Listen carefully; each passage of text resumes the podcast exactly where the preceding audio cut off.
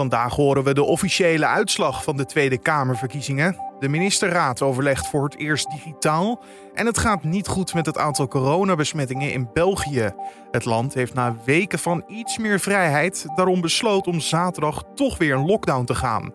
Alleen noemen onze zuidenburen het geen lockdown, maar paaspauze. Ja, en dat woord rijmt nogal. Het trekt te veel op plaspauze en het is ook geen pauze, want uh, maar één van de twee partijen uh, die, uh, die gaat extra maatregelen nemen. Voor het virus is er absoluut geen pauze. Nee, het virus gaat dus flink los en de Vlaamse viroloog Mark van Ranst hoor je straks over de situatie daar. Maar eerst kijken we kort naar het belangrijkste nieuws van nu. Mijn naam is Carne van der Brink en het is vandaag vrijdag 26 maart.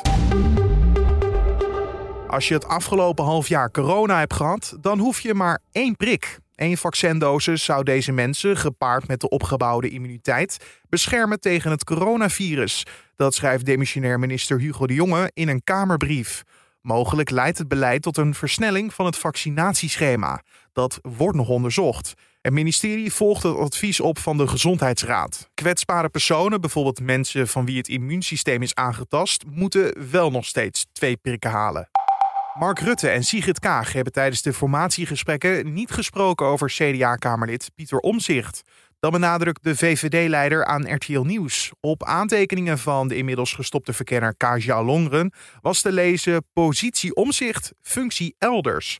Dat kwam dus niet van Rutte en Kaag. Nee, helemaal niet. En dat geldt trouwens ook voor Sigrid Kaag, die ik vanavond sprak. Ik zeg, nou, ik zie na aanleiding van de Europese Raad... en ze zegt, zegt dan ook meteen dat ook voor mij, Sigrid Kaag, geldt... dat ik niet heb gesproken over uh, omzicht. Het CDA zelf zou in de verkenningsgesprekken ook niet over omzicht hebben gesproken. Het is dus nog altijd niet duidelijk wie de uitspraken over omzicht wel heeft gedaan. Het kan ook zijn dat de verkenners of ambtenaren zelf de opmerking hebben opgeschreven. De Europese Commissie belooft terughoudendheid bij het uitvoeren van een exportverbod van coronavaccins.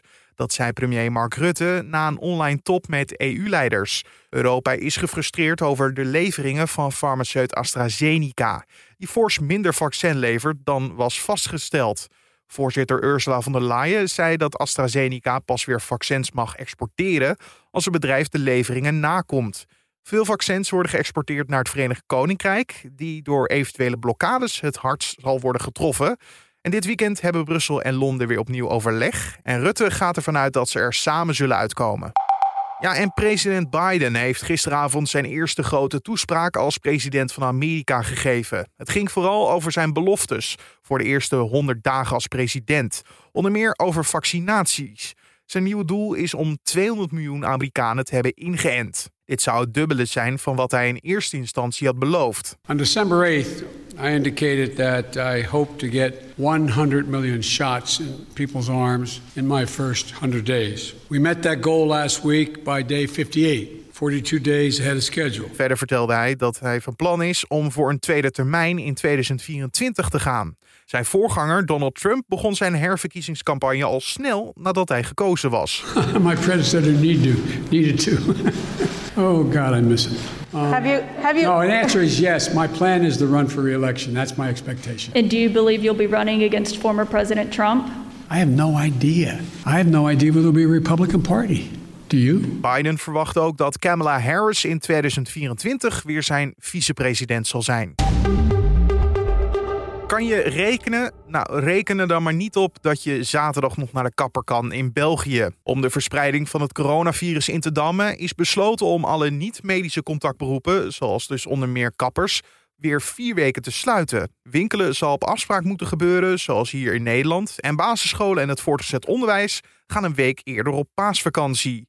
De nieuwe maatregelen worden door de regering een paaspauze genoemd. Collega Julien Dom belde erover met de Vlaamse viroloog Mark van Ranst.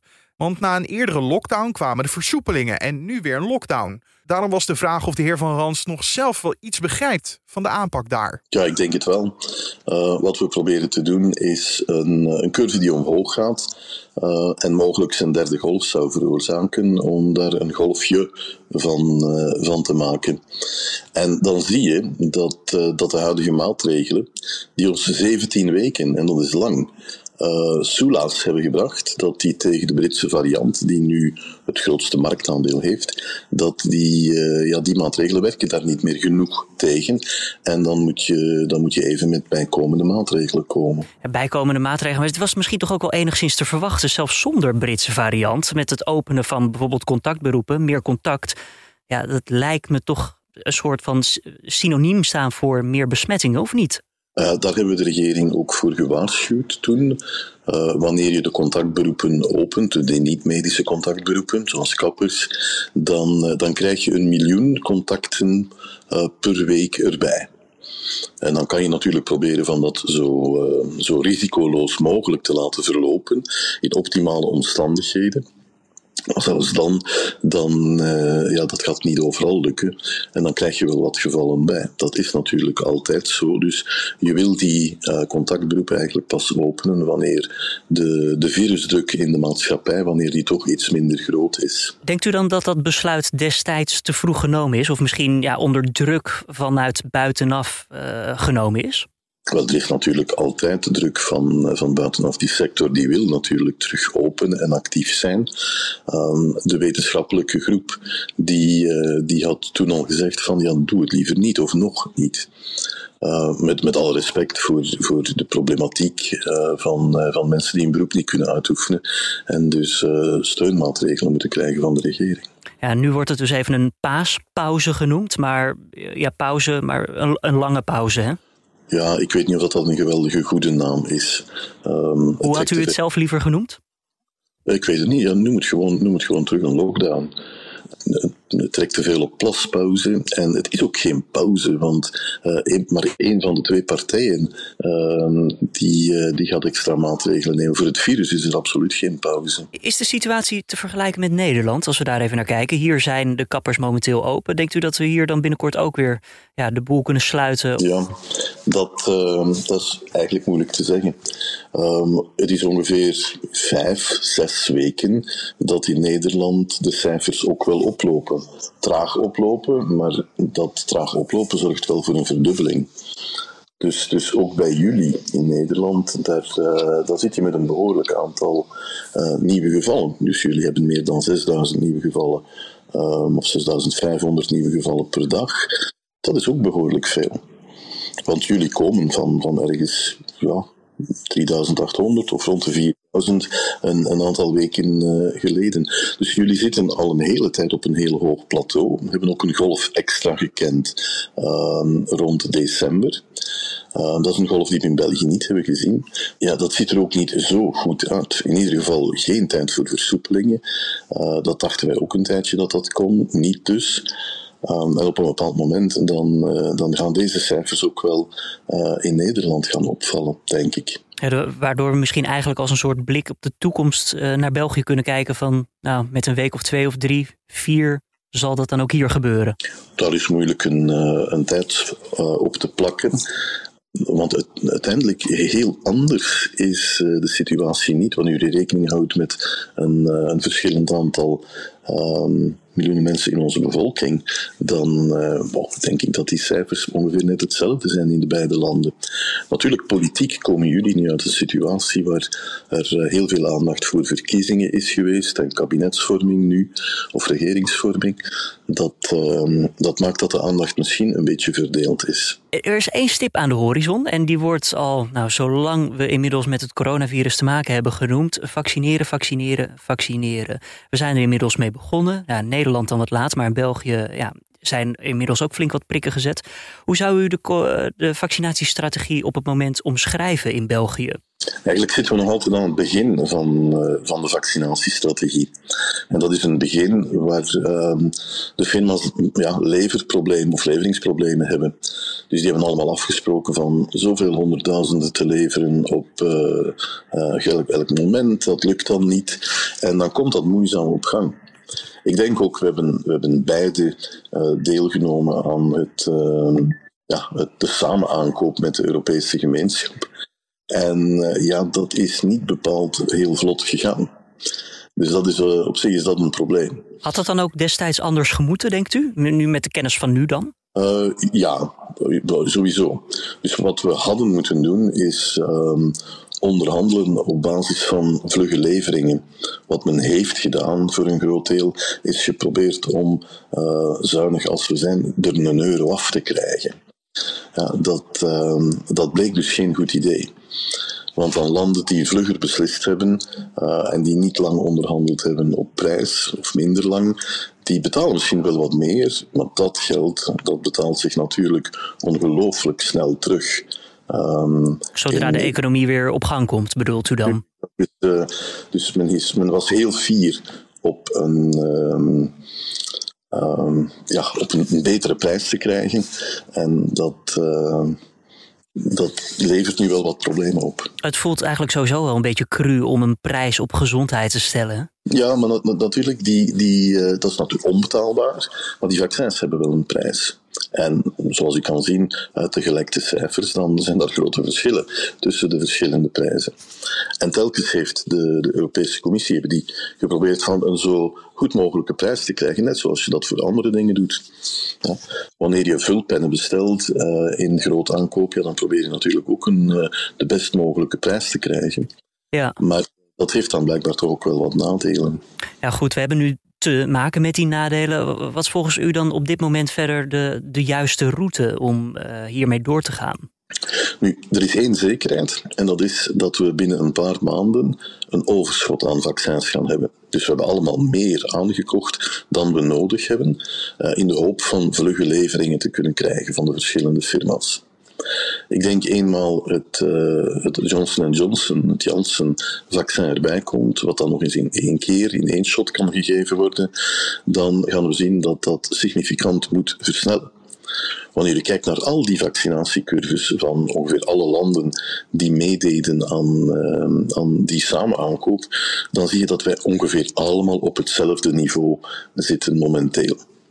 Nederland was daar inderdaad wat trager uh, aan in het op gang komen, maar die zitten nu exact, exact op hetzelfde punt waar, waar België en een heleboel andere landen zitten. Dus iedereen probeert nu wel om zo goed en zo vlot mogelijk te vaccineren met de vaccins die we krijgen. Ja, maar veel vaccins hebben wel alsnog gewoon twee prikken nodig natuurlijk. En sommige overheden die denken er nu over na van nou misschien kunnen we die tweede prik wel uitstellen. Verstandig besluit denkt u? Op dit moment wel. Um, ik zou dat doen dan, uh, dan heb je veel vlugger een, uh, een basisimmuniteit in de bevolking. En dan ga je veel vlugger het aantal hospitalisaties, het aantal mensen op de, op de intensieve zorgafdelingen, ga je dat kunnen naar beneden krijgen. En ik denk ook dat er nog additionele prikken zullen nodig zijn uh, met, uh, met vaccins die beschermen tegen de varianten. Dus we gaan sowieso nog, nog meerdere keren moeten, uh, moeten prikken. Daarna niet meer, dat is enkel in de beginfase van zo'n zo'n virusepidemie dat dat gaat nodig blijken. Uh, maar ik denk dat je met, wanneer je kijkt naar de getallen, wanneer je kijkt naar de ervaringen die men in Engeland ermee heeft, um, dat je met één dosis een, een, zeer behoorlijke bescherming krijgt. Misschien dat je bij oudere mensen graag die tweede prik er op het juiste moment uh, gaat geven, maar dat bij de gezond, het gezonde deel van de bevolking, dat je met één prik al een heel behoorlijke bescherming biedt. En dan kan je die tweede prik geven wanneer er miljoenen vaccins in het land komen, maar dan kan je veel vlugger opschieten met iedereen een eerste prik te geven. Momenteel zitten we daar aan ja, iets van een 12 procent, zoiets. Dat zou vlugger moeten kunnen. En op het moment dus dat je iedereen die eerste prik gegeven heeft, uh, wat u betreft, kunnen de versoepelingen dan ook in stroomvaart versneld worden? Dat is natuurlijk een tweede vraag, maar dat gaat automatisch ook wel volgen. Wanneer we zien en wanneer we dat zien voor een wat langere periode, dat er een enorme invloed is op het aantal hospitalisaties, dat dat bijna naar nul uh, gaat evolueren, ja, dan gaan we meer, meer vertrouwen krijgen dat, uh, ja, dat dit iets wordt waar we, ja, waar we wel mee om kunnen met ons gezondheidssysteem. De vrees altijd is dat wanneer er een erge golf komt, dat, uh, net zoals in vele landen, uh, dat uw gezondheidssysteem overspoeld wordt. Daarom probeer je de maatregelen te nemen op het juiste moment. Dat is meestal zo vroeg mogelijk. En, uh, en dan hoop je voor het beste. Ja, en die omslag komt ook op een gegeven moment, toch? Regeringen kijken nu vooral naar het aantal besmettingen. En op een gegeven moment wordt er dan gekeken misschien naar het aantal gevaccineerden. Wanneer denkt u, bij Bijvoorbeeld bij welk percentage zal die omslag komen? Dat ga je niet in één getal kunnen uitdrukken, uh, omdat je toch wel heel graag eerst het oudere deel van je bevolking wil vaccineren. Wanneer je dat zo foutloos mogelijk, en waarschijnlijk gaat dat eindigen voor die leeftijdscategorieën ergens tussen de, ja, ergens rond de 80, 90 procent van de mensen, die je hebt kunnen vaccineren, die je hebt kunnen overtuigen boven de 65 jaar, dan, dan zou je een heel groot deel van de problematiek in de ziekenhuizen moeten hebben kunnen oplossen. En ik denk dat je dat gaat bereiken binnen ja, twee maanden, zoiets. Misschien zelfs vroeger. Viroloog Mark van Ranst hoorde in gesprek met mijn collega Julien Dom. En met een diepe duik gaan we door de agenda van vandaag. De kiesraad stelt vanmiddag de officiële uitslag van de Tweede Kamerverkiezingen vast. Volgens de laatste prognose van het ANP krijgt de VVD 34 zetels en D66 krijgt er 24. Of die verdeling werkelijkheid wordt, lees je rond de lunchtijd op nu.nl en in je app. De ministerraad komt vandaag voor het eerst digitaal bijeen. Als gevolg van de coronabesmettingen van minister Kasia Olongren en staatssecretaris Mona Keizer. Volgens de richtlijnen mogen alle niet besmette bewindslieden wel fysiek bij elkaar komen, maar premier Mark Rutte is erin voorlopig even wat terughoudender geworden. En de branchevereniging van zonnestudio's wil via de rechter de heropening van de zonnebanken afdwingen. De branche kreeg eerder tot zijn verbazing te horen dat de studio's dicht moeten blijven, terwijl de contactberoepen wel hun deuren mochten openen. De ondernemers verwijten het kabinet onbehoorlijk bestuur, omdat ze in eerste instantie te horen kregen dat ze open mochten. En drie uur later werd die toezegging echter weer ingetrokken. En we worden weer bijgepraat over het weer van vandaag door Weerplaza's Wilfried Jansen. Vandaag schijnt de zon uitbundig. Er trekken ook wel wat wolkenvelden over het land, vooral over de noordelijke provincies. En vanmiddag ontstaan ook wel wat stapelwolken. Maar het blijft overal tot de avond droog.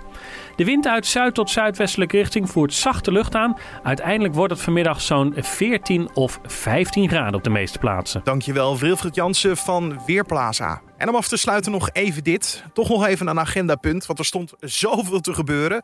Want dit weekend is er ook weer een raceweekend. Het nieuwe Formule 1 seizoen staat weer voor de deur. En het raceweekend begint vandaag met twee vrije trainingen. De eerste training in aanloop naar de GP van Bahrein start om half één vanmiddag. De tweede om vier uur. Tijdens de trainingen krijgt Max Verstappen de eerste inzichten in hoe zijn bolide zich verhoudt tot de concurrentie. En de race zelf is zondagmiddag om vijf uur. En dan zijn we alweer aan het einde gekomen van deze podcast voor de vrijdag 26 maart. Niet voordat ik je even heb verteld dat we vanmiddag weer terug zijn. Niet met de kortere middagpodcast, maar met de maand van nu. Onze openbare redactievergadering. Daarin praat de hoofdredacteur van nu.nl over het belangrijkste nieuws van deze maand en wat ons bij is gebleven en hoe, ja, hoe wij dat als redacteuren van nu.nl hebben ervaren. Die kan je vanmiddag dus beluisteren op de voorpagina van nu.nl of nog makkelijker en overzichtelijker je favoriete podcast app, Spotify, Apple Podcast of Google Podcast. En vergeet je niet gratis te abonneren.